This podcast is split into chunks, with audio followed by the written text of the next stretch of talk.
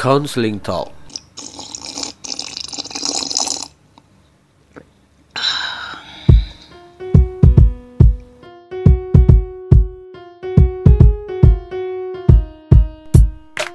Bismillahirrahmanirrahim. Assalamualaikum warahmatullahi wabarakatuh. Alhamdulillahirrahmanirrahim. Salatu wassalamu ala asrafil anbiya wal mursalin.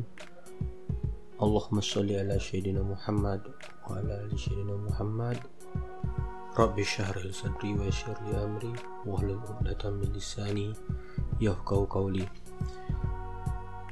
Bersyukur mari kita panjatkan kepada Allah Subhanahu wa taala karena atas karunia-Nya lah kita dapat hidup sehari-hari merasakan hangatnya matahari oh, merasakan hangatnya persaudaraan dan merasakan nikmatnya Islam kemudian salawat beriring salam mari kita kirimkan kepada Nabiullah Muhammad SAW karena atas berkat beliau juga kita dapat hidup seperti sekarang ya di mana penuh dengan ilmu pengetahuan dan juga semoga kita termasuk beliau yang mendapatkan syafaat di yaumil akhir kelak amin ya robbal alamin Oke, apa kabar kawan-kawan pendengar semua? Kita se sekarang kita sudah masuk di uh, pertengahan Ramadan ya. Semoga amalan-amalan Ramadan kita tetap uh, semangat ya. Tetap dengan intensitas yang kuat dan juga tetap dengan kualitas yang bagus. Uh, seperti yang kita bahas minggu minggu kemarin atau pada episode kemarin, kita untuk episode sekarang akan bahas uh, teorinya Eric Byrne.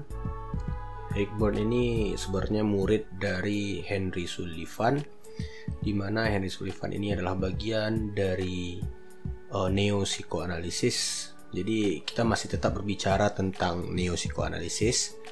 Uh, namun bedanya jika kita berbicara tentang Erik Erikson dua episode sebelumnya yang berbicara tentang perkembangan manusia Kemudian kita berbicara tentang individual Adler yang berbicara tentang interaksi antar manusia dengan lingkungannya. Untuk sekarang, Eric Byrne kita akan membahas manusia dengan manusia lainnya. Intinya apa? Dalam teori yang dibahas oleh Eric Byrne ini, eh, komunikasi itu menjadi asumsi dasar perubahan tingkah laku manusia. Karena menurut Eric Byrne, komunikasi merupakan lingkungan fisik yang mengakibatkan pengaruh-pengaruh terhadap diri manusia. Kemudian juga berkenaan dengan Eric Byrne, ya, Eric Byrne menamakan teorinya ini analisis transaksional. Kalau kita lihat di buku-buku oh, psikoanalisis, itu biasanya Eric Byrne ini uh, dimasukkan ke dalam teorinya Henry Sullivan yang mana membicarakan tentang uh, interaksi antar manusia seperti yang saya katakan tadi ya. Nah, sebelum kita berbicara tentang Eric Byrne lebih lanjut, kita harus paham dulu uh, tentang perkembangan yang dialami oleh Eric Byrne. Eric Byrne. Nah, untuk Eric Byrne sendiri sebenarnya uh, berbeda ya dengan apa yang dilakukan oleh pen, se, uh, pendahulunya. Misalnya kalau Freud dia seorang dokter dan juga ahli biologi begitu. Kemudian uh, Alfred Adler dia juga seorang dokter. Nah, kalau Erik Erikson dia seorang uh, dokter juga. Kalau untuk uh, Eric Byrne, Eric Byrne bukan dokter. Namun Eric Byrne adalah seorang terapis. Artinya apa? S uh, secara profesi, Eric Byrne adalah orang-orang yang memahami betul kebutuhan dari para kliennya. Nah, kalau tiga sebelumnya, tiga pendahulu yang kita ceritakan sebelumnya, itu berbicara tentang idealisme, berbicara tentang konsep yang sifatnya akan memfundamental dalam uh, ruhnya terapis. Ceritanya teori, ceritanya teori. Berbeda dengan Eric Byrne, Eric Byrne ceritanya lebih kepada praktikal. Bahkan menurut beberapa ahli konseling, konsep dari uh, analisis transaksional Eric Bird ini adalah konsep yang paling tepat digunakan untuk proses konseling kelompok, format kelompok. Ini juga kalau saudara baca buku Gerald Corey itu memang dijelaskan ya untuk uh, buku Gerald Corey yang membahas tentang konseling kelompok uh, itu memang menceritakan teori Eric Berne ini dengan lugas dengan luas karena memang di antara sekian banyak teori ini yang menceritakan tentang praktik dalam hubungan interpersonal itu hanya teori trans analisis transaksionalnya Eric Berne. Nah, oke. Okay. Selanjutnya Eric Berne uh, itu sebenarnya juga uh, seorang penulis ya. Eric Berne seorang penulis di mana oh, di tahun 1964 itu Eric Berne menulis dua buku yang bestseller ketika itu di Amerika. Yang pertama yang berjudul dengan Games People Play, kemudian juga bukunya What Do You Say After You Say Hello. Memang praktikal sekali ya. Nah, dari dua buku ini mulailah terpengaruh orang-orang di sekitarnya sehingga Eric Berne membuat oh, semacam asosiasi ya, oh, society begitu yang bernama San Francisco Transactional Analysis Society. Ini bukti bahwa pemikiran Eric Berne itu mendapatkan uh, sambutan hangat dari para terapis-terapis khususnya terapis kelompok. Nah, itu mungkin penjelasan singkat tentang teori Eric Berne. Selanjutnya kita akan masuk pada oh, asumsi dasar tentang kepribadian manusia. Sebelum kita masuk tentang perkembangannya ya, sebelum kita masuk tentang perkembangan, sebelum kita masuk tentang uh, perubahan tingkah laku, tujuan konseling dan peran dari konselor. Nah, asumsi dasar tentang kepribadian menurut Eric Berne itu adalah adanya entitas yang dimiliki oleh manusia yang mana entitas ini menjadi pembentuk kepribadian dari diri manusia.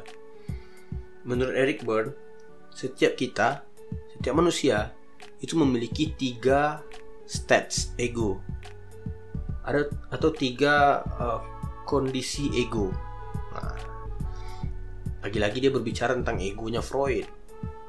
Nah, menurut Eric Berne, setiap manusia itu memiliki ego child, di mana adanya tingkah laku yang kekanak-kanakan yang ditampilkan oleh manusia, baik orang dewasa, orang kecil, anak kecil atau anak-anak, kemudian juga orang tua. Ini berlaku untuk semua orang. Kemudian yang kedua, adanya tingkah laku atau adanya ego state adult, orang dewasa ini juga akan dilakukan oleh semua uh, lapisan umur manusia, tidak terbatas hanya pada orang dewasa saja. Kemudian yang ketiga itu par uh, parents atau orang tua.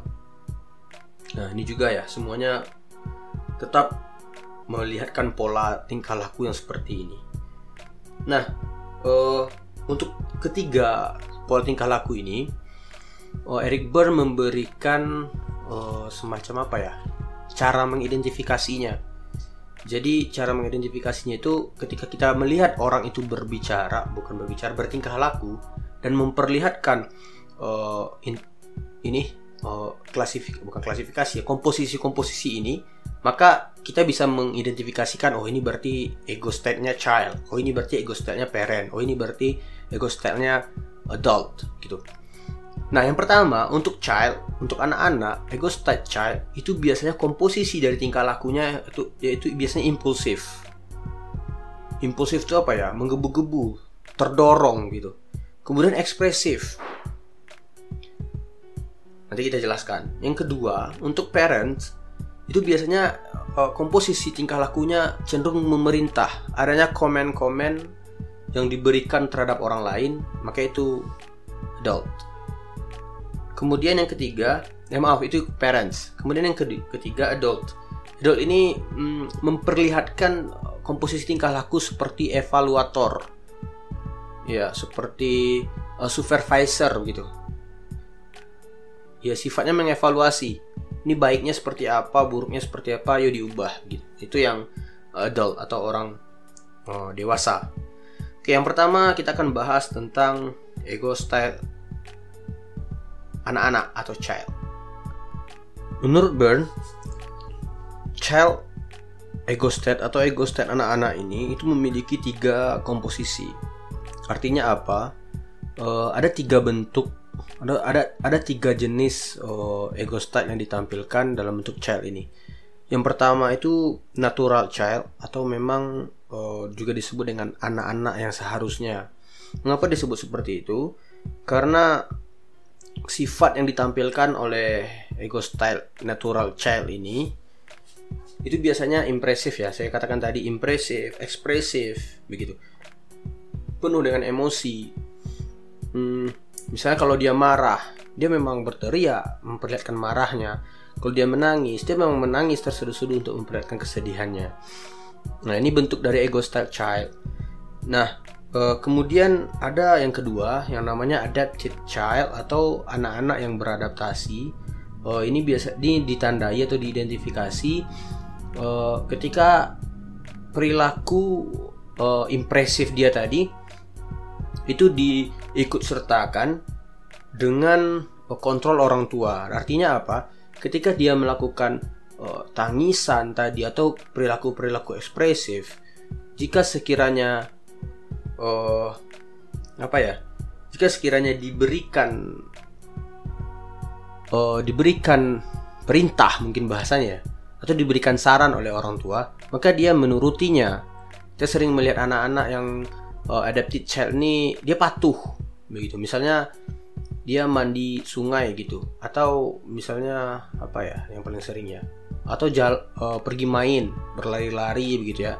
Nah ketika disampaikan oleh orang tuanya jangan berlari-lari nanti kamu jatuh. Nah kemudian anak-anak adapted child itu biasanya akan mematuhi itu dan dia tidak akan berlari. Sedangkan uh, yang natural child tadi dia akan tetap berlari Nah itu nanti bedanya yang dua ini. Kemudian yang ketiga ada namanya little professor atau profesor kecil. Mengapa dibilang dengan little professor? Karena dia akan bertindak seakan-akan dia itu sebagai orang tua. Namun nanti ada kita nanti ada perbedaannya ya. Apa perbedaan ego style child little professor dengan ego style parents? Nanti ada perbedaannya. Kalau untuk ego style child yang little professor itu biasanya uh, dia hanya berbentuk coping. Dia hanya berbentuk tiruan dari ego parents. Tidak perlu faham tentang ilmu saran itu. Misalnya dia menyarankan jangan jangan uh, lari-lari nanti kamu jatuh. Nah ketika dia pernah mendengar orang tua mengatakan seperti itu ke dirinya maka little professornya muncul dan nanti ketika melihat kawan-kawannya berlari dia bilang itu lagi eh hey, jangan lari-lari nanti kamu jatuh sakit. Nah ini yang seperti ini yang disebut dengan ego state child komposisi atau fokus ke title profesor atau profesor kecil. Nah dalam perkembangannya kita sindir sedikit perkembangannya uh, penggunaan ego style yang tiga ini ini sangat perlu diperhatikan oleh seorang uh, orang tua mungkin ya lebih pastinya. Uh, ini memang tidak ini memang tidak serta-merta terjadi pada anak kecil, namun secara apa ya, secara perkembangan ini uh, pasti harus gitu, pasti harus dirasakan oleh anak kecil walaupun uh, mungkin salah satunya ada anak-anak kecil yang memang adapted, sifatnya memang adapted, memang patuh. Juga ada memang ada anak kecil yang memang sifatnya uh, natural, impresif, ekspresif, dan juga ada anak-anak kecil yang little profesor banget. Namun untuk ketiga hal ini memang harus dialami oleh semua manusia. Begitu yang dimaksud dengan uh, Eric Bird.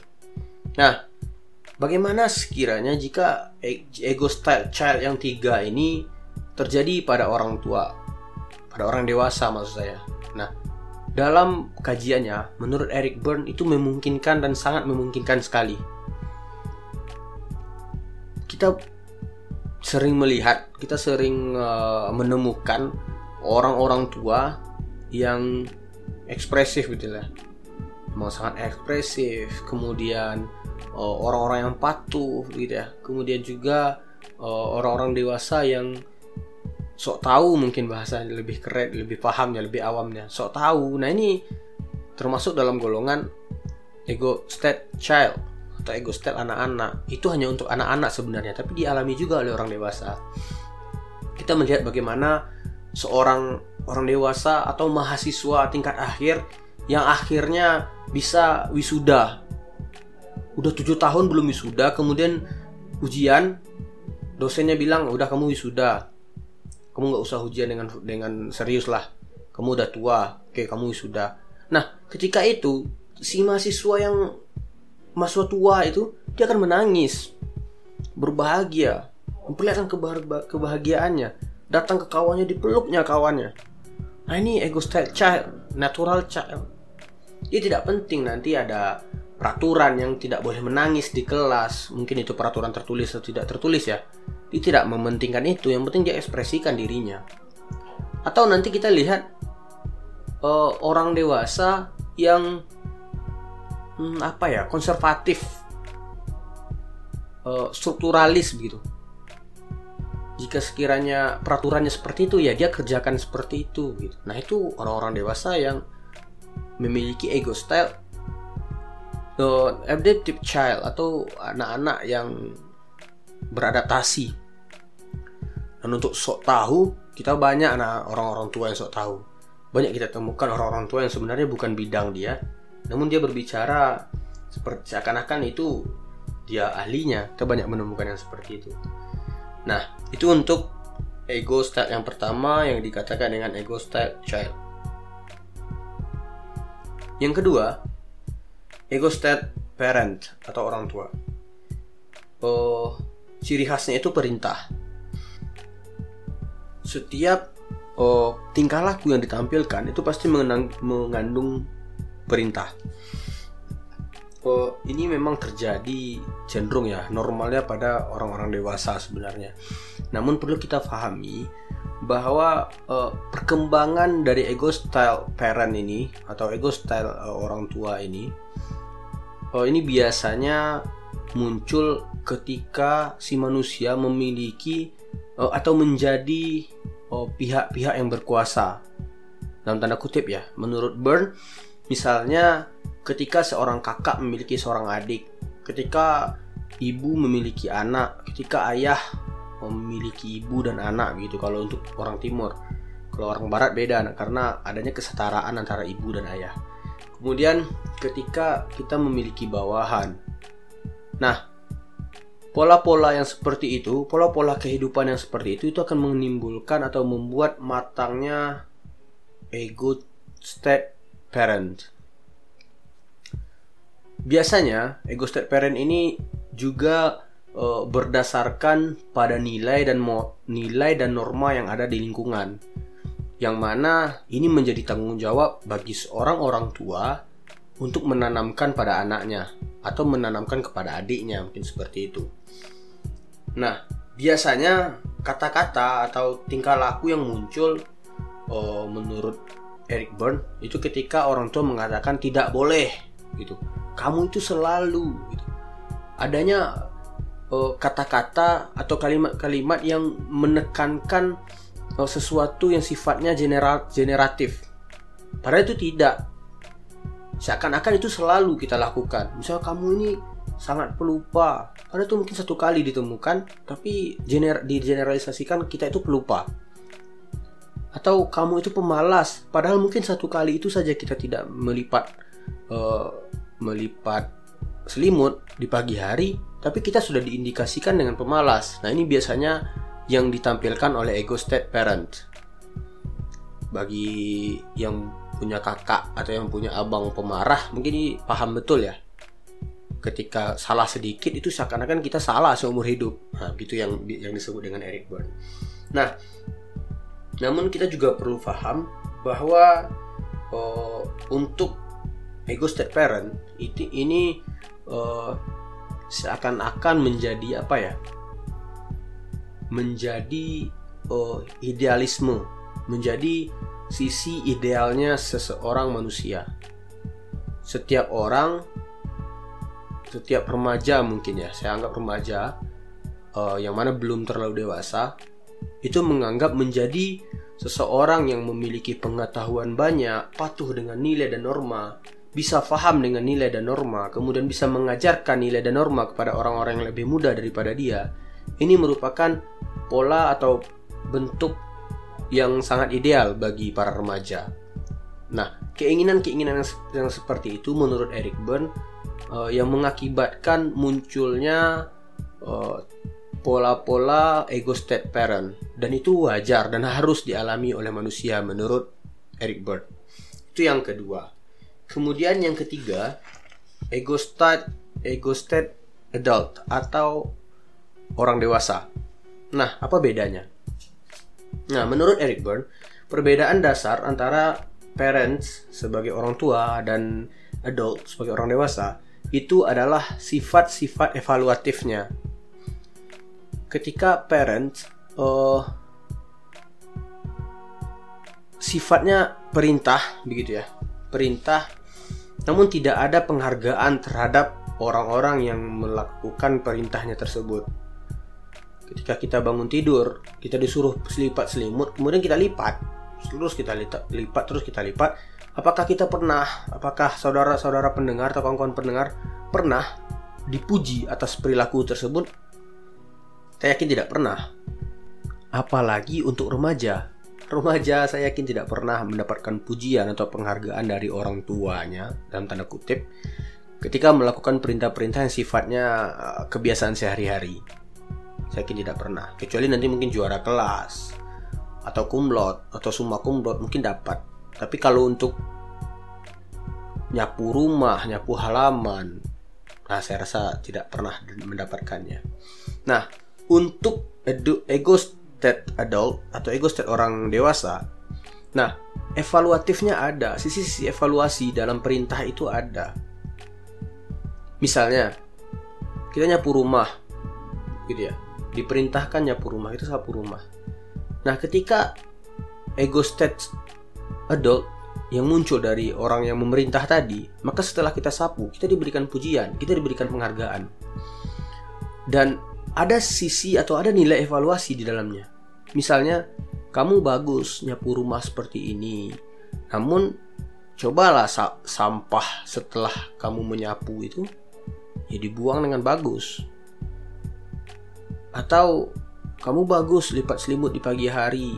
Nah, besoknya tolong cuci uh, spraynya. Ada sisi-sisi evaluatif yang mana sisi evaluatif ini menunjukkan perbaikan, memperlihatkan uh, kebaruan, pembaruan. Nah, yang bagus. Nah, itu seperti uh, contoh bahwa perbedaan antara adult dan parent itu ada pada sisi evaluatifnya. Walaupun sejatinya memang tetap uh, sifatnya uh, perintah begitu ya. Namun sisi uh, evaluasinya yang tidak perbedaan. Nah, untuk Eric Byrne itu menjelaskan adanya hmm, kata-kata hmm, ya atau sifat-sifat yang biasanya digunakan untuk orang-orang yang evaluatif atau adult ego state ini itu biasanya menggunakan kata-kata yang oh, bagaimana bisa begitu ya. Atau oh, apakah bisa begitu. Adanya penghargaan terhadap orang-orang yang mencoba komennya mencoba perintah yang dia berikan. Nah itu sifat dari ego state adult Kemudian setelah membahas tentang ego state, kita juga harus bahas tentang uh, basic motivation di dalam teorinya Eric Berne. Uh, kalau seandainya di Freud ada it, kemudian di Alfred Adler ada best motivation. Uh, nah, kalau di uh, apa ya? Kalau di Eric Berne ini atau teori analisis transaksional ini itu dinamakan dengan needs atau kebutuhan. Nah, ada dua kebutuhan pada dasarnya. Yang pertama itu kebutuhan fisik uh, yang mana termanifestasikan keinginan untuk makan, keinginan untuk minum, dan juga beberapa keinginan yang menandainya adalah uh, apa ya? Untuk bertahan hidup, surviving begitu. Kemudian untuk kebutuhan kedua itu kebutuhan psikologis atau kebutuhan psikis. Nah, inilah yang akan dibahas panjang lebar oleh Eric Berne. Nah, untuk dasarnya, kebutuhan psikis yang dimiliki oleh manusia itu sebenarnya terdiri atas uh, semacam pola ya, semacam pola uh, di yang pertama polanya adalah uh, hunger and strokes, kemudian yang kedua time structuring dan yang ketiga uh, possession, posisinya bagaimana. Nah, yang pertama yang dinamakan dengan hunger and strokes itu adalah segala jenis dorongan. Ini pada dasarnya ya, itu adalah segala jenis dorongan yang didapatkan oleh individu atau manusia melalui uh, transaksinya dengan lingkungannya. Nah, bagi Eric Byrne, untuk hunger and strokes itu ada dua macamnya. Yang pertama ada positif dan yang kedua ada negatif. Nah, untuk yang positif ini artinya apa? Dorongan yang diberikan itu untuk mempertahankan tingkah laku. Dorongan yang diberikan agar tingkah laku ini bertahan atau semakin bagus seperti itu. Semacam up price gitu ya. Uh, apa ya? Memang uh, penghargaan, semacam respect seperti itu. Nah, kalau dicontohkan dalam beberapa buku yang di uh, yang memuat tentang Eric Berne ini, itu ketika seorang ayah memberikan tepuk tangan yang meriah ketika anaknya mampu uh, menjadi juara Ketika ayahnya melihat anaknya menjadi juara, dia tepuk tangan dengan meriah.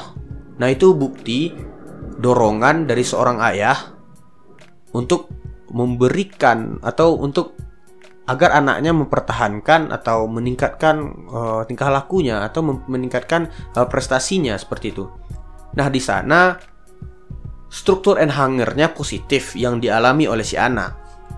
Ya, ingat ya, struktur and hunger itu sebenarnya kondisi yang ada pada diri individu. Nah, itu untuk yang positif. Kemudian yang negatif ketika oh, kita contohkan ya, di situ dicontohkan ketika seorang anak itu kena tampar oleh ayahnya ketika anak itu tidak patuh dengan apa yang disampaikan oleh ayahnya. Nah, oh, tindakan menampar itu sebenarnya bukanlah bagian dari oh, dorongan, namun apa yang dirasakan oleh anak itu merupakan dorongan. Dorongannya apa? Untuk menghilangkan tindakan atau menghilangkan tingkah laku yang salah. Nah ini dinamakan dengan uh, struk, oh maaf, hunger and stroke negatif atau dorongan-dorongan yang sifatnya negatif dalam artian untuk mengurangi tingkah laku yang tidak disukai atau yang tidak tepat. Kemudian pola kedua itu dinamakan dengan uh, structuring time, uh, maaf time structuring atau struktur waktunya. Nah, uh, dalam beberapa buku yang kalau seandainya saudara temukan, kawan-kawan pendengar menemukan uh, buku yang menjelaskan tentang teori Eric Berne yang bernama analisis transaksional ini, jadi kalau ditemukan ada banyak bahasa ya untuk time structuring ini. Ada struktur saja, ada struktur hanger, ada juga struktur stroke. Nah, intinya sebenarnya sama, namun saya lebih suka menggunakan istilah dari time structuring, yaitu adalah struktur waktu. Karena apa? Karena uh, apa ya? Penjelasannya itu memang lebih tepat jika kita sandingkan dengan waktu. Artinya dalam 24 jam sehari itu memang kita melakukan atau kita merasakan time structuring ini. Seperti itu. Oke, lanjut kita bahas ya.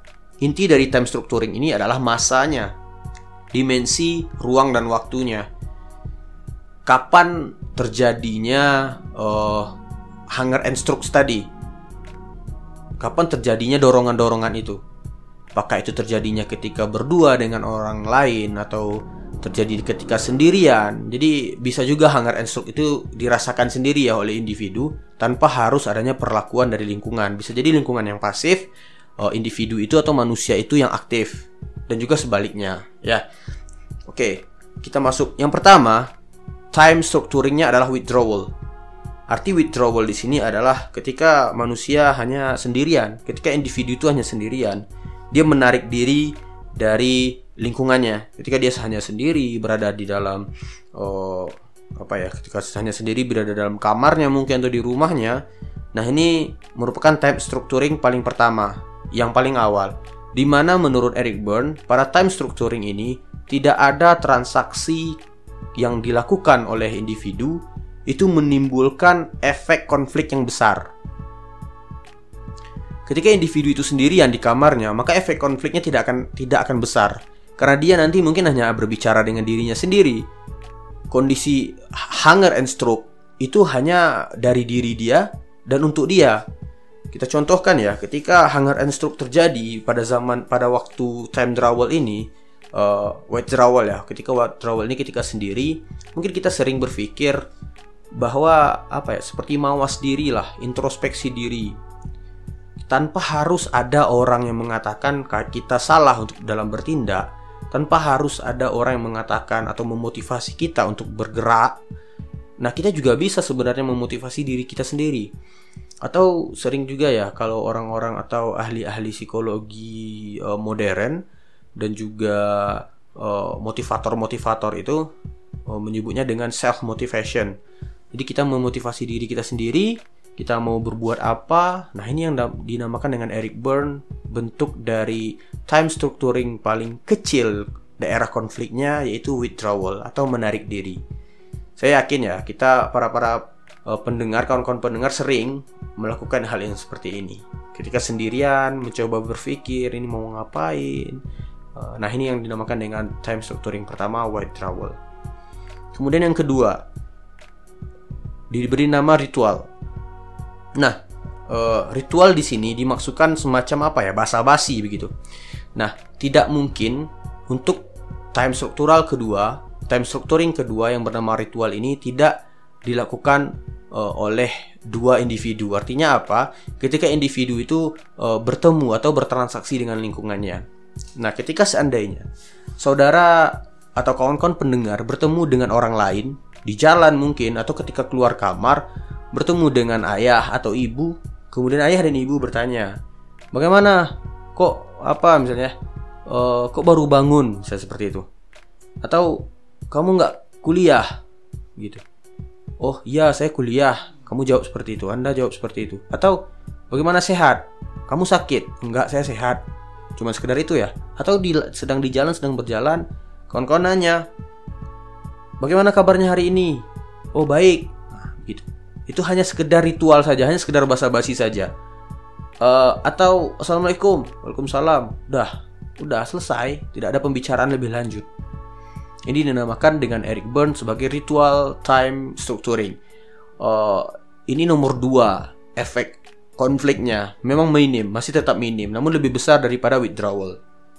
Nah kemudian yang ketiga uh, itu namanya past past times. Nah untuk past times ini apa ya uh, dilanjutkan time structuringnya dilanjutkan. Tidak hanya ngomong basa-basi tidak hanya sekedar cuman halo apa kabar? Ya saya baik kamu gimana? Oh saya juga baik tidak hanya seperti itu tapi nanti ada diskusinya ada pertukaran pendapatnya nah namun ini tidak ada ujungnya tidak ada ujungnya hanya sekedar ya seperti laki-laki uh, para kawan-kawan laki-laki yang apa ya diskusi bola itu tidak ada ujungnya mana lebih baik Ronaldo atau Messi itu nggak pernah ada ujungnya atau mengapa Liverpool sampai 30 tahun tidak ada tidak juga dapat piala? Wah, itu kan nggak ada ujungnya.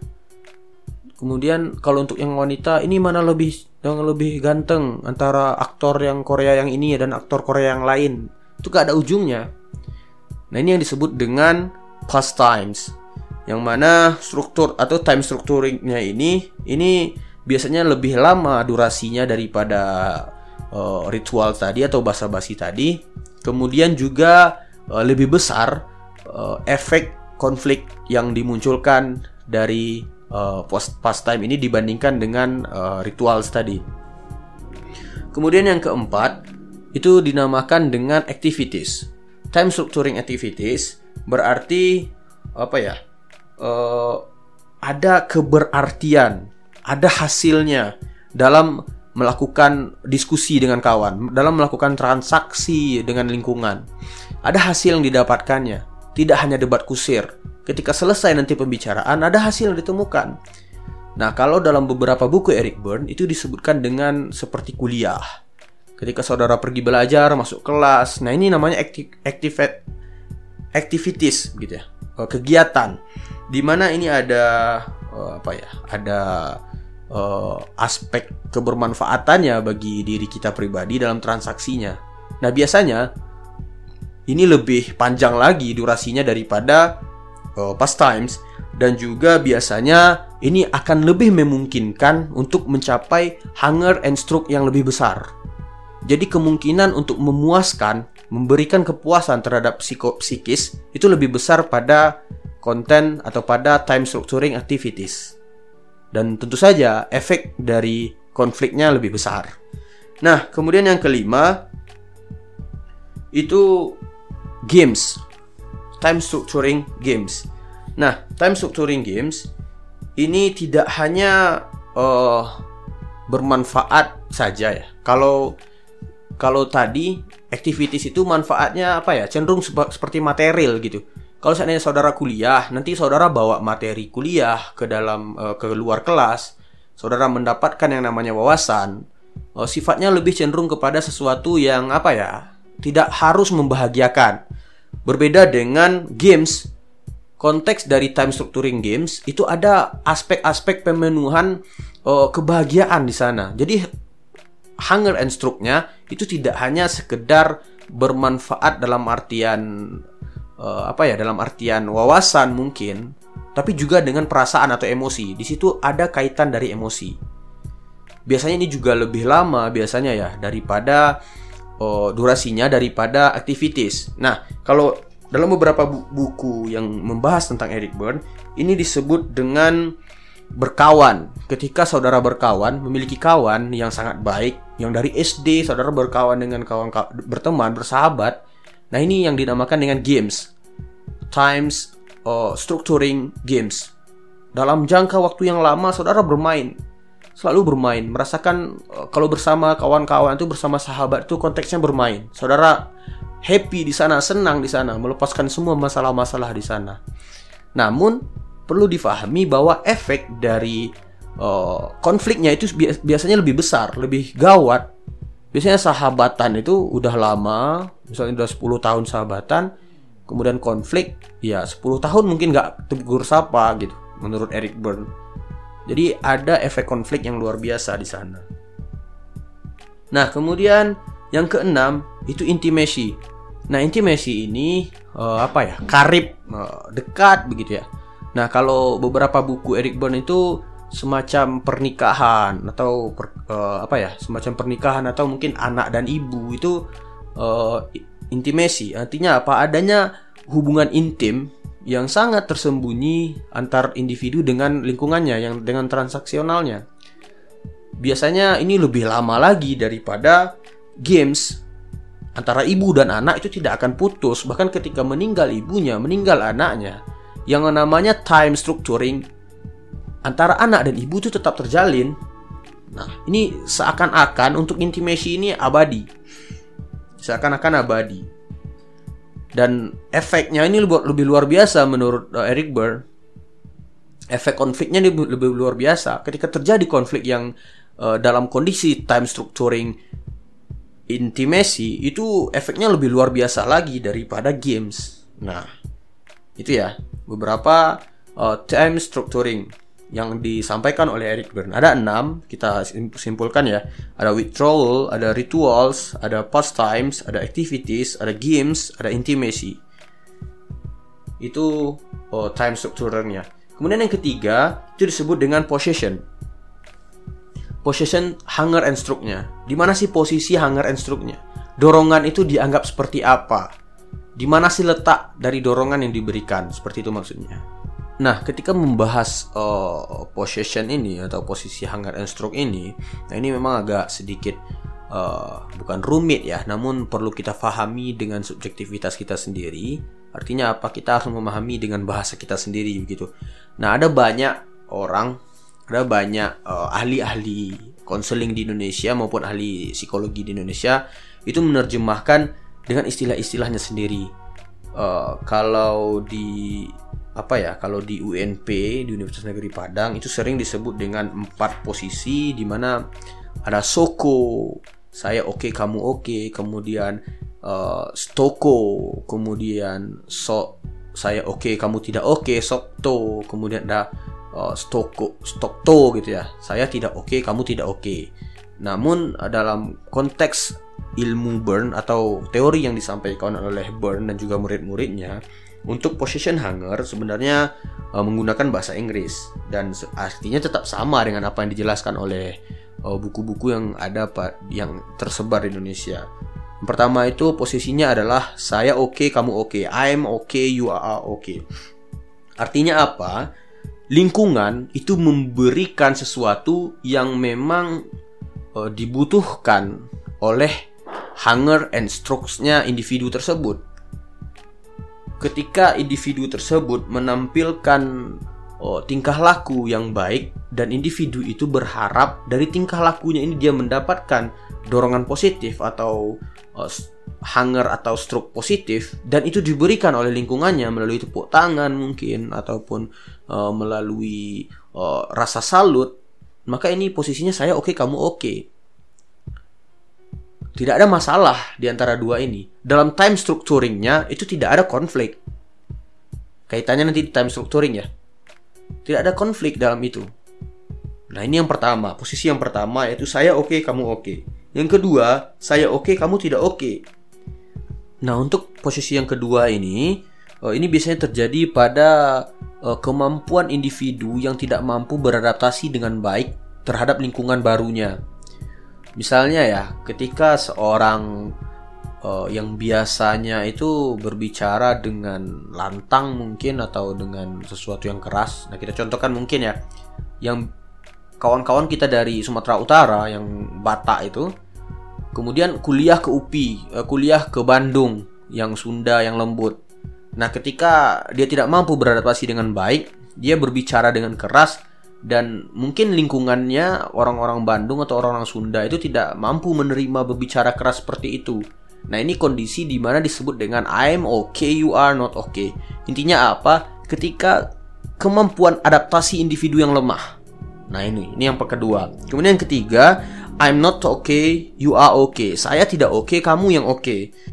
Nah, uh, Eric Byrne itu meletakkan posisi yang ini, yang ketiga ini itu cenderung berada pada uh, apa ya, uh, child, cenderung pada pada ego state child atau ego state anak-anak. Ketika anak-anak itu uh, maunya bebas ya, maunya berekspresi, ini sering dihambat oleh orang tuanya, dihambat oleh lingkungannya. Ini uh, dinamakan ke saya tidak oke, okay, kamu yang oke okay, gitu. Saya tidak ingin kamu uh, menghambat-hambat saya. Saya pengen bebas, saya pengen mengekspresikan keinginan saya. Nah, ketika adanya norma, ketika adanya peraturan-peraturan yang dibuat oleh lingkungannya, maka ini dinamakan dengan posisi yang ketiga, yang dinamakan dengan I am not okay, you are okay.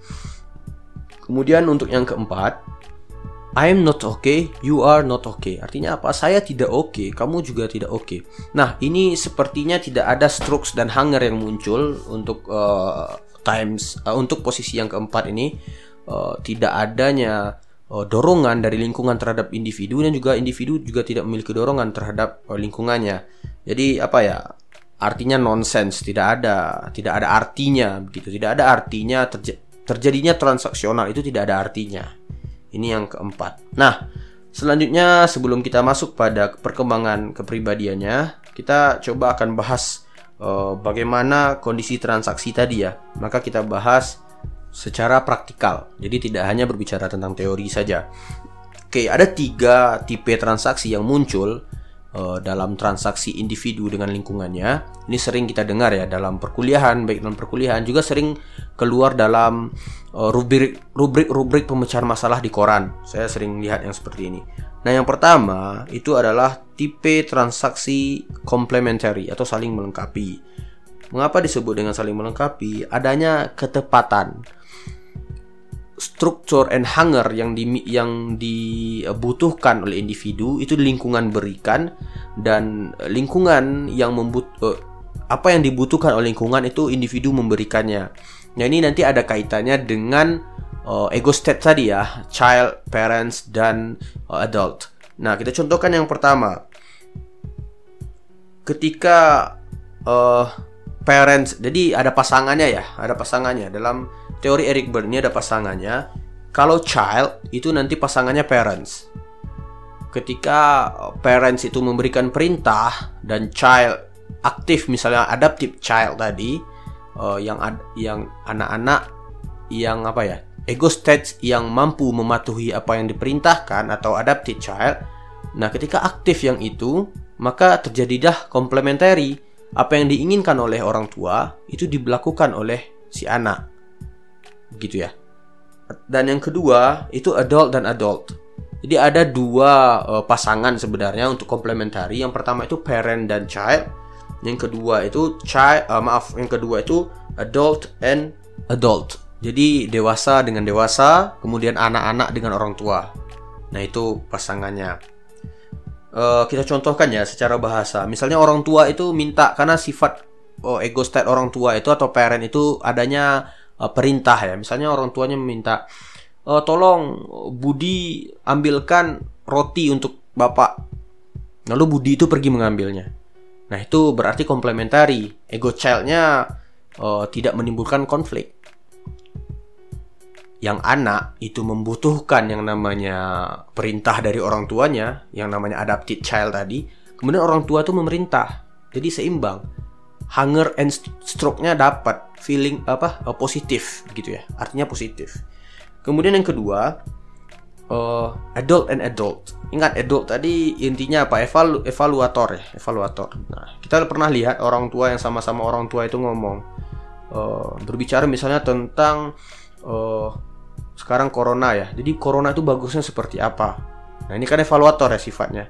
Lalu dijawabnya, ya corona ini bagusnya pemerintah melakukan lockdown ini ini ini segala macamnya. Berarti tidak ada di situ yang namanya konflik. Semuanya setara dan saling melengkapi apa yang dibutuhkan. Nah, itu untuk uh, tipe pertama.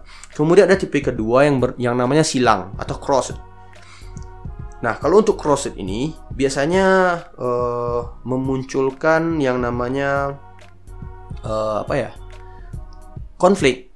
Nah, untuk cross ini biasanya memunculkan yang namanya konflik. Nah, uh, biasanya ada dua tipe juga. Oh, yang tadi kan ada dua tipe.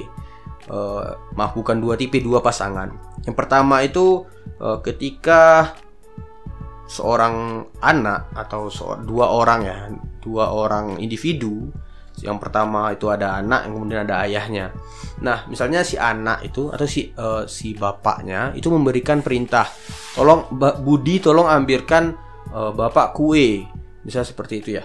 Budi tolong ambilkan bapak kue. Namun si Budi ini ternyata tidak memunculkan uh, adopted childnya, tapi dia munculkan adalah adultnya.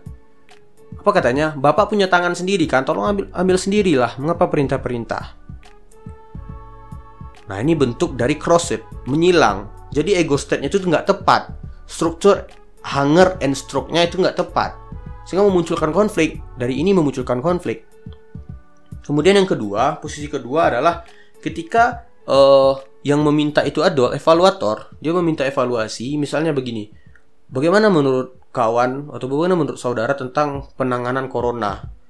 Nah, lalu yang satu ini memunculkan parents atau child saya dimunculkan parents, dimunculkan perintah. Mengapa tidak kamu saja yang menjawab pertanyaan itu? Mengapa harus saya yang menjawab? Nah, itu yang parents. Kalau yang childnya seperti apa? Muncullah uh, apa ya namanya?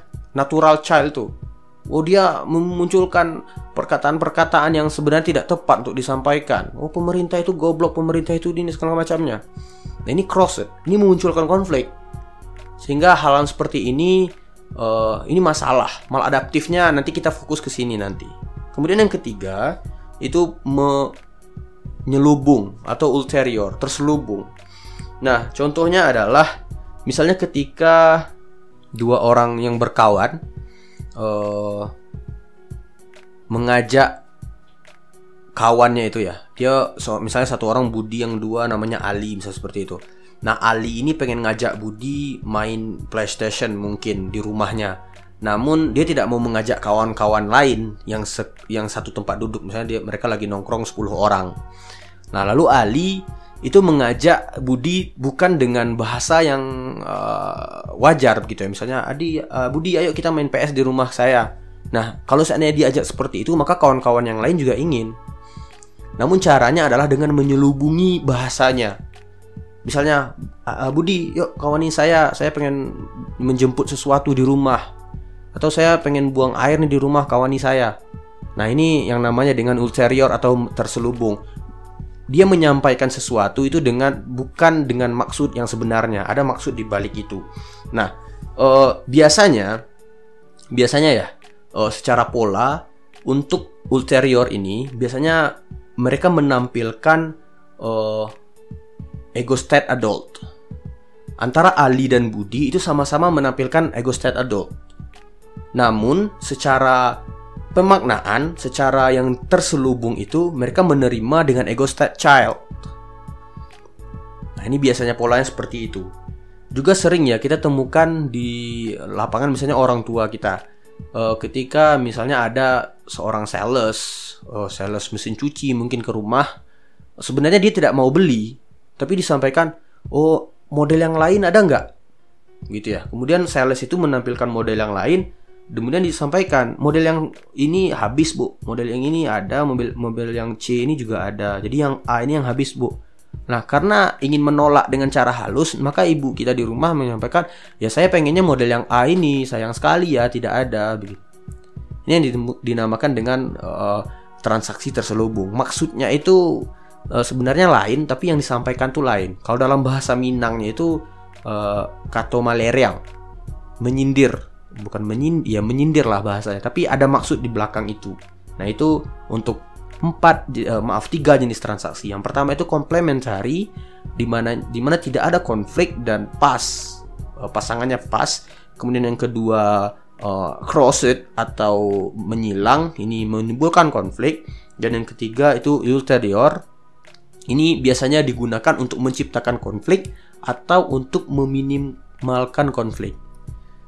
Oke, itu dia tipe-tipe uh, transaksinya. Kemudian yang ke selanjutnya kita mulai masuk pada empat adaptasi yang kita sampaikan pada teori-teori sebelumnya. Yang pertama adalah perkembangan manusia.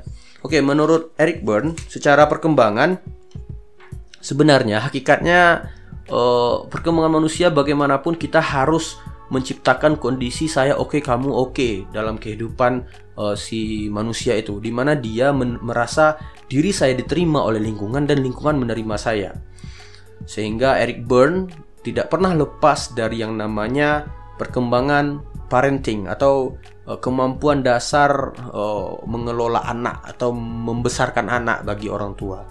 Nah, bagi Eric Byrne, yang pertama itu perlu adanya apa ya? Konsep orang tua yang sehat atau orang tua yang benar mendidik anaknya dan orang tua yang tidak sehat atau gagal mendidik anaknya. Nah, untuk untuk tahapan perkembangannya, itu Eric Byrne membagi menjadi empat. Yang pertama usia 0 sampai 18 bulan, kemudian usia 18 bulan sampai kurang lebih 3 tahun, kemudian usia kurang lebih 3 tahun sampai 6 tahun, dan yang terakhir usia 6 tahun sampai 12 tahun. Jadi memang tidak terlalu jauh dengan apa yang dijelaskan oleh Freud sampai pada tahap remaja gitu. Berbeda ya dengan disampaikan oleh Erikson yang mana sampai akhir hayat. Oke, yang pertama, tahapan 0 sampai 18 tahun itu orang tua yang berhasil mendidik anaknya adalah orang tua yang memberikan izin atau memberikan dukungan pada anaknya untuk mengeksplorasi kehidupannya sendiri. Oh, dia diajarkan yang namanya oh, apa ya? Diajarkan yang namanya berkomunikasi begitu ya dengan cara yang baik, dengan bahasa yang baik. Kemudian walaupun nanti ada ucapan yang salah, tidak bisa menyebut R mungkin pada usia 2 tahun ya karena memang nggak bisa ngomong ya cuma sekedar bisa ada baba gitu nah namun orang tua itu menganggap itu adalah omongan yang tepat. Itu adalah bahasa yang tepat sehingga dibalas dengan bahasa yang tepat pula. Nah ini adalah orang tua yang baik. Kemudian juga dicontohkan ya intinya uh, apa ya struknya atau dorongan-dorongan itu ada dorongan untuk berkembang dengan yang lebih baik. Tidak ada yang namanya uh, pematahan, tidak ada yang namanya hambatan-hambatan normatif. Misalnya anaknya ngomong-ngomong gitu ya, tapi dijawab oleh orang tuanya, eh kamu harus bagus-bagus ngomong. Itu bukan bahasa yang dimengerti orang. Apa sih yang kamu katakan? Saya tidak mengerti apa yang kamu katakan. Nah ini cara mendidik yang salah menurut uh, si Burn, Eric Burn. Juga uh, orang tua yang salah itu juga apa ya? uh, menghambat eksplorasi dirinya misalnya ketika dia ingin coba berjalan atau merangkak dulu itu tidak ada dukungan keluar rumah misalnya dihambat diangkat lagi kemudian dimasukkan ke dalam kerangkengnya itu ya ke dalam penjara dia itu yang kecil itu kemudian dimasukkan ke situ sehingga dia tidak bisa berkembang di sana alasannya adalah untuk menyelamatkan namun sebenarnya itu bukan menyelamatkan tapi menghambat perkembangan ingat usia 0 sampai 2 tahun atau 18 bulanan itu adalah masa-masa perkembangan fisiknya, masa-masa perkembangan oh, tulang-tulangnya, otot-ototnya itu adalah masa-masa yang sangat luar biasa. Jadi jangan sampai adanya hambatan diberikan oleh orang tua untuk perkembangan perkembangan psikomotorik dari si anak. Nah, itu yang untuk tahapan pertama. Kemudian tahapan kedua, 18 tahun sampai 3 tahun. Nah, untuk orang tua yang tepat dalam mendidik anaknya adalah orang tua yang menolong anak-anaknya mengenal lingkungan. Jadi yang tadinya tidak uh, apa ya, kita bebaskan si anak untuk berkembang dengan cara dia sendiri, Kemudian yang kedua, itu kita mulai mengenal lingkungannya, menunjukkan apa sesuatu yang baik dan benar. Nah, usia 0 sampai usia 2 sampai 3 tahun ini kan dia sudah mulai bicara dengan bahasa yang bisa dimengerti ya. Jadi mulai diajarkan jika ini huruf atau ini angka yang salah atau ini huruf yang salah harusnya mengucapnya mengucapkannya seperti ini begitu. Nah, jadi uh, secara perlahan-lahan si anak mulai diberikan Eh, penekanan-penekanan tentang disiplin, tentang baik dan benar, tentang sesuatu yang tidak tepat. Sehingga si anak tadi berkembang normatifnya, aspek-aspek normatif pada usia segini, pada usia 2 sampai 3 tahun itu mulai berkembang.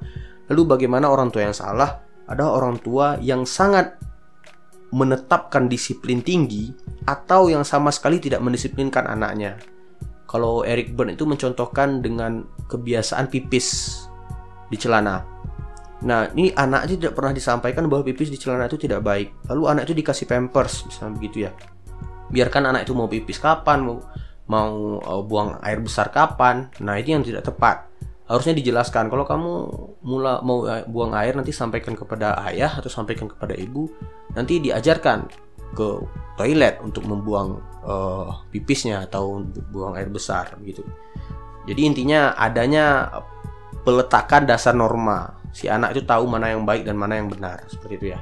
Kemudian yang ke yang ketiga, maaf yang keempat. Yang ketiga, usia 3 sampai 6 tahun. Oke, untuk 3 sampai 6 tahun, uh, orang tua yang baik dalam mendidik anaknya adalah orang tua yang mampu uh, memberikan dorongan dalam artian prestasi untuk anaknya. Uh, bisa jadi bentuknya problem solving ya dengan permainan mungkin dengan uh, permainan apa ya ular tangga mungkin ya yang simple-simple saja dan nanti setelah sampai dan nanti problemnya sudah diselesaikannya dia sudah sampai kepada solvernya dia menjadi uh, problem solvernya maka harus ada uh, upaya untuk memberikan respect, memberikan penghargaan kepada si anak. Nah, kalau seandainya kita lihat di bukunya uh, penjelasan Eric Byrne itu disampaikan bahwa diberikan contoh kepada anak bagaimana caranya mandiri dalam memunculkan atau mendapatkan struktur dari lingkungan. Jadi diajarkan bagaimana cara menjadi orang yang berprestasi begitu bagaimana menjadi orang yang hebat begitu. Jadi pengajaran-pengajaran ini sifatnya coping, sifatnya e, mencontohkan model ya. Jadi orang tua tuh mulai memodelkan, mulai menjadi model bagi si anak dan orang tua wajib mencontohkan anaknya untuk bertindak seperti apa pada usia 3 sampai 6 tahun ini. Jadi untuk usia 3 sampai 6 tahun itu adalah e, usia dasar ketika anak mulai mengenal lingkungannya terhadap dirinya. Nah, untuk orang tua yang tidak sehat atau tidak tepat, itu apa ya menghambat pemikiran anaknya tidak adanya keinginan untuk memunculkan imajinasi anaknya dalam problem solving. Misalnya ketika ada permainan oh, anaknya sedang mengerjakan kamu salah bukan ini yang kamu kerjakan. Harusnya ini lu orang tuanya yang menyelesaikan. Begitu. Nah ini rasa-rasa yang tidak apa ya tidak menghargai usaha anak. Nah ini untuk yang orang tua yang tepat. Kemudian yang terakhir usia 6 sampai 12 tahun. Nah, ini usia uh, menjelang remaja di mana remaja itu atau individu itu itu sudah mulai melakukan transaksi mandiri dengan lingkungan besarnya, dengan lingkungan mungkin kawan-kawan sekolahnya ya. Nah, uh, orang tua yang baik, orang tua yang mendidik anaknya secara tepat itu adalah mendengarkan pendapat-pendapat si anak tentang lingkungan barunya itu. Ketika dia sudah mulai uh, time structuring mungkin dengan basa-basi mungkin atau dengan game dan aktif akti activity maka mulailah muncul konflik-konflik yang dialami oleh si anak dan orang tua harus menjadi pendengar yang baik dan penyelesai masalah yang baik. Dan yang paling utama adalah orang tua yang baik dalam mendidik anaknya adalah memberikan uh, proses value-nya, proses menilainya itu dari si anak. Walaupun nanti ada kecenderungan ya proses penilaiannya salah, misalnya ya misalnya uh, si anak menceritakan tentang saya di sekolah tadi ya atau saya di sekolah tadi bu uh, saya melihat kawan saya nyontek. Lalu akhirnya saya nyontek juga. Nah ketika orang tua mendengarkan pernyataan anak yang seperti ini maka orang tua tidak serta merta menyalahkan. Ya tidak serta serta merta menyalahkan namun orang tua mendengarkan dulu apa yang dijelaskan apa yang akan disampaikan oleh si anak. Kemudian orang tua meminta izin dengan cara yang baik-baik pada anak untuk orang tua berbicara. Ini intinya penanaman demokrasi ya sehingga nanti ketika dapat kesempatan si anak atau si orang tua berbicara maka orang tua menyatakan bahwa mencontek itu bukanlah tindakan yang tepat bukanlah tindakan yang baik dan harus dihindari Nah, dari situ berarti adanya penanaman value, penanaman nilai dan norma pada diri anak dengan cara yang tepat. Jangan pernah kita mendiamkan si anak atau apa ya ketika anak berbicara tentang nyontek tadi. Belum selesai dia berbicara, "Oh, kamu itu tidak baik, jangan ditiru." Nah, ini menghambat uh, kemampuan dia untuk menanamkan untuk ditanamkan nilai pada dirinya. Nah, lalu orang tua yang tidak baik tadi ya tadi sudah disampaikan juga lamban merespon si anak. Tadi terlalu cepat merespon dan orang-orang tua yang lamban merespon ini juga tidak baik. Sehingga anak merasa, oh saya berarti tidak dihargai dong sama orang tua saya. Percuma dong saya ingin cerita, ujung-ujungnya juga tidak didengar. Nah, itu empat uh, perkembangan menurut teorinya analisis transaksional Eric Berne. Oke, lanjut konsep kedua yang diadaptasi atau yang diadopsi oleh uh, dunia konseling yaitu uh, pandangan tentang perkembangan salah sua ya, tingkah laku yang salah. Nah, seperti yang saya sampaikan tadi tentang uh, possession tadi ya, ada saya oke okay, kamu oke okay, dan segala macamnya. Sebenarnya selain posisi I'm okay, you are okay atau saya okay, kamu okay, itu semuanya tingkah laku yang salah suai. Nah, secara hakikat ya namun kita juga harus paham uh, bagaimana kondisi real dari saya tidak oke, okay, kamu tidak oke, okay, uh, dan juga kondisi yang tiga yang lainnya. Nah, kalau untuk saya tidak oke, okay, kamu oke, okay, itu biasanya uh, kecenderungan dialami oleh orang-orang yang produktif. Dia mau bekerja keras untuk menciptakan segala sesuatu, uh, namun sepertinya itu memforsir dia. Itu seperti mengeksploitasi dirinya sendiri. Yang penting orang-orang itu senang. Ini sebenarnya bagus ya secara uh, budaya timur. Namun dalam teori ini ini dianggap tidak bagus karena adanya eksploitasi terhadap diri sendiri. Biasanya orang-orang seperti ini jarang berbahagia. Karena apa ya? Karena merasa sekali merasa tertindas Kemudian untuk kondisi kedua, saya oke, okay, kamu tidak oke. Okay, ini biasanya orang-orang yang cenderung lebih suka withdrawal ya, cenderung lebih suka menarik diri, uh, agak antisosial lah mungkin bahasa sekarang. Uh, tidak mau tidak mau ngambil mengambil resiko terhadap lingkungannya dia maunya sesuatu itu ya kalau saya sudah nyaman oke okay, saya ambil itu seperti itu kemudian orang-orang seperti ini biasanya bahagia dengan dirinya sendiri dan yang terakhir nah saya tidak oke okay, kamu tidak oke okay, ini yang kondisi yang paling parah di mana memang tidak ada dukungan terhadap lingkungan dan dia juga tidak didukung oleh lingkungan. Ini yang paling parah. Nah untuk penyebabnya Eric Berne menjelaskan ada dua penyebab mengapa kondisi-kondisi yang tidak sesuai atau yang saya tidak saya oke okay, kamu tidak saya oke okay, kamu oke okay, itu tidak terjadi. Itu terjadi dua penyebab.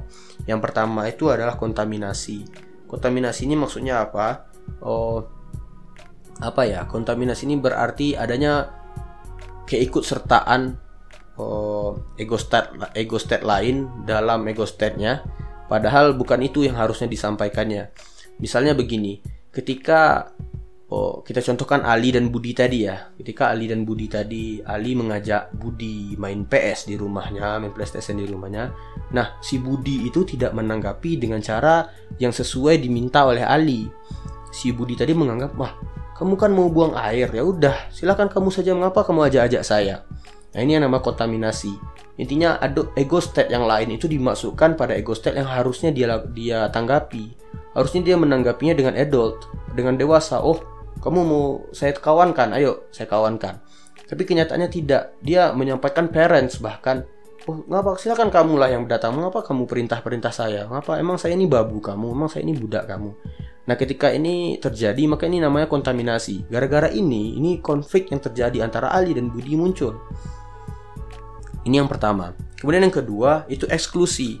Eksklusi ini artinya apa ya? Eksklusif ini artinya ya Ali dan Budi itu atau dua orang atau nggak usah Ali dan Budi lagi ya. Misalnya ada satu orang namanya Cici mungkin. Nah, Cici ini dalam kehidupan sehari-harinya dia itu selalu memakai ego state parents. Dia itu pengen semua maunya semua orang lingkungan itu harus mendengar perintahnya. Nah, ini juga menjadikan seseorang itu mendapatkan uh, kondisi yang salah tadi, yang tiga tadi ya selain saya oke okay, kamu kamu oke. Okay. Nah, dia pengen semua orang itu harus mendengarkan perintah dia. Dia harus memerintah orang bagi dia. Dialah yang patokan norma terbaik. Nah, ini terjadi yang namanya eksklusif. Itu untuk tingkah laku yang salah sesuai. Cukup simpel sih sebenarnya. Kemudian yang ketiga, oh, peran konselor. Eh bukan ya, tujuan konseling. Nah, untuk tujuan konseling dengan dengan teori analisis transaksional ini sebenarnya ada satu tujuan utama yaitu memunculkan posisi saya oke okay, kamu tidak oke okay dari diri klien. Namun uh, untuk proses pencapaian itu uh, menurut Eric Byrne uh, harus adanya kontrak ya harus adanya kontrak dalam pelaksanaannya dan seperti yang saya sampaikan sebelumnya teori ini paling tepat digunakan untuk format kelompok karena memang di dalam teori ini adanya pelatihan-pelatihannya dalam terapi atau dalam konseling dengan teori ini itu adanya pelatihan-pelatihan yang dilakukan oleh uh, klien atau konseli dengan konseli lainnya jadi sebelum turun tangan ke lapangan, eh, ke lapangan nyata ya untuk menyelesaikan masalahnya, itu sudah harus ada pelatihan-pelatihan dalam proses terapinya. Nah, lalu dalam eh, prosesnya ini eh, juga harus difahami ya bahwa ada apa ya tadi yang saya sebutkan kontrak ya bahwa ada kontrak ada kesepakatan antara konselor dengan konselinya atau kliennya oh, tentang tahapan-tahapan konselingnya jadi memang dari awal kurikulum terapinya atau kurikulum proses konselingnya itu disusun. Ada beberapa stage, ada beberapa tahapan. Yang pertama itu analisis strukturalnya. Nah, kita analisis sebagai konselor itu kita harus analisis struktur atau ego state-nya. Kita lihat bagaimana dia menyikapi oh, lingkungannya atau menyikapi transaksi yang dia rasakan dengan lingkungannya. Itu kita lihat ini apakah tepat dengan dengan uh, yang seharusnya berkenan dengan uh, ego state tadi ya yang saya sebutkan dengan transaksi tadi uh, ada saya oke okay, uh, maaf ada komplementer ada oh, menyilang, juga ada yang uter, uterior tadi atau terselubung tadi. Nah, jika seandainya ditemukan yang terselubung atau ditemukan yang menyilang, maka konselor pada tahap pertama ini harus mampu menciptakan atau menghasilkan data yang uh, menggambarkan struktur ego state-nya. Itu yang pertama. Kemudian yang kedua, itu atau tahapan kedua, konselor mulai uh, apa ya?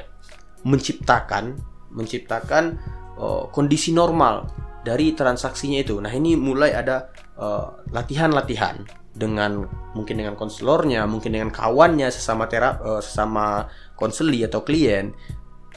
Kemudian uh, setelah dilatihkan, misalnya di satu waktu dicobakan dengan ego state parents.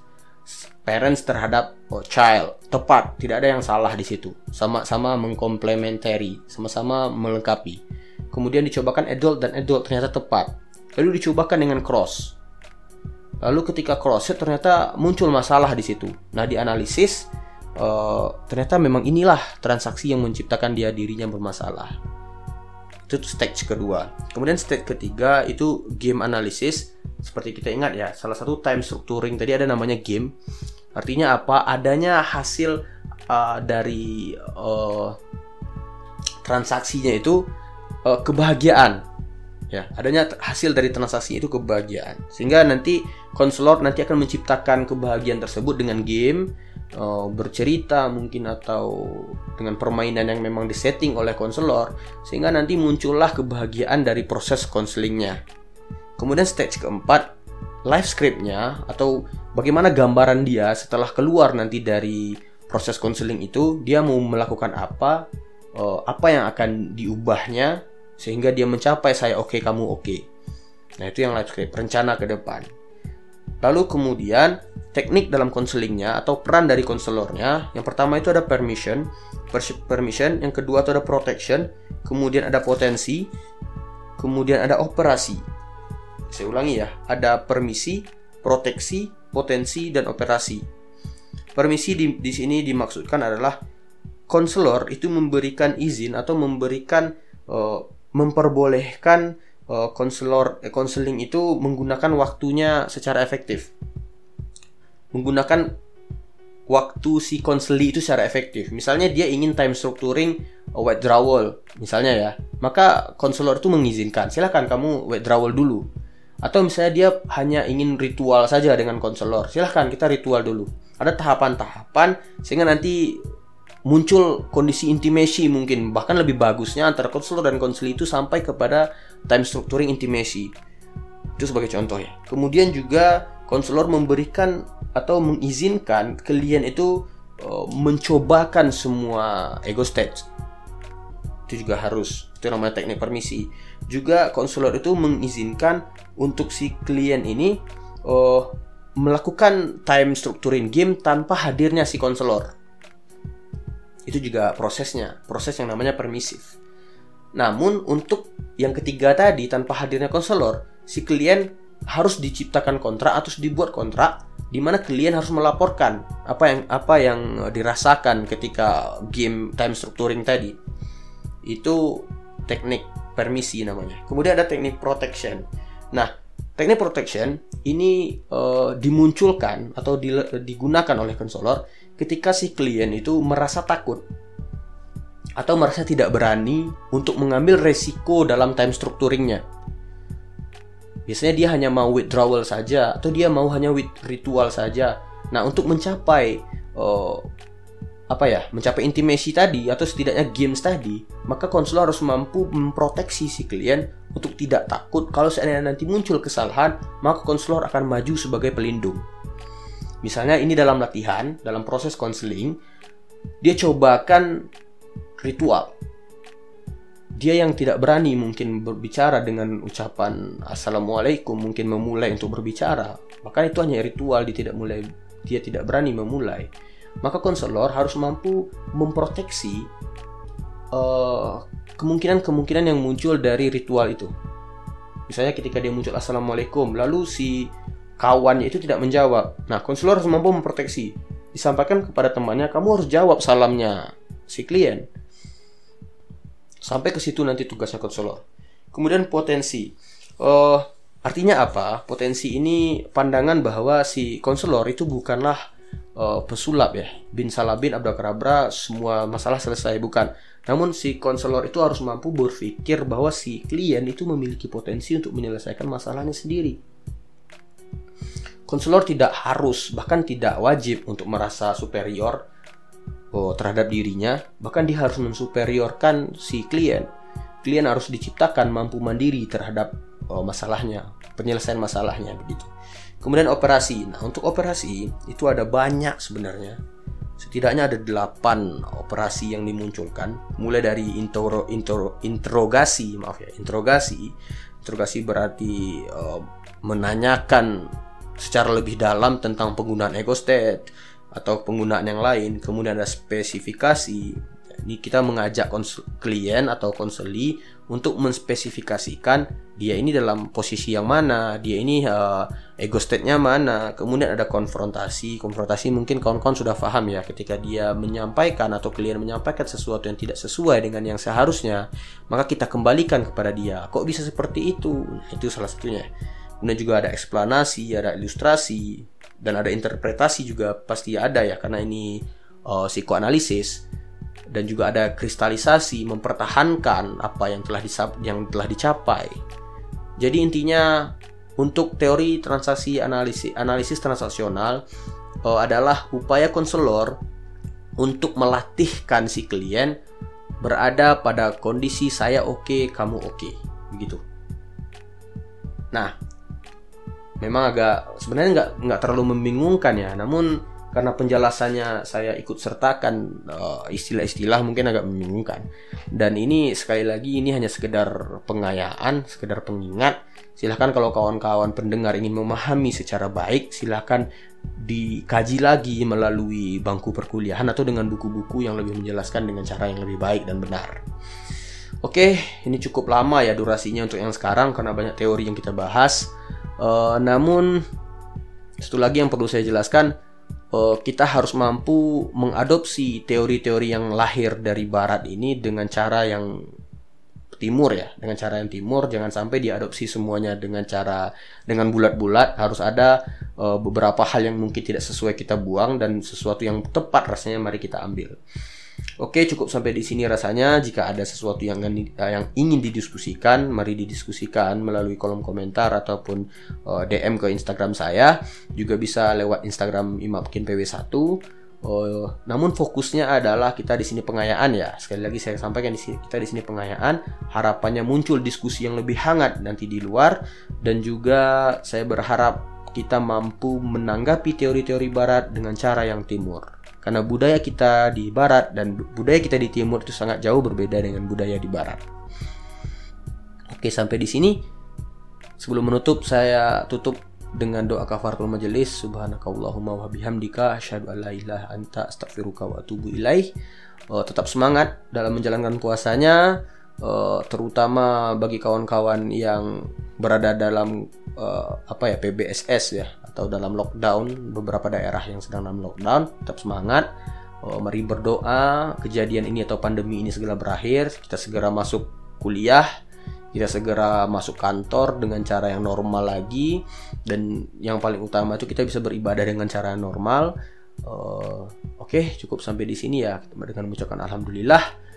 Semoga bacotan saya kurang lebih satu jam ini bermanfaat. Uh, Cukup sampai di sini. Wassalamualaikum warahmatullahi wabarakatuh.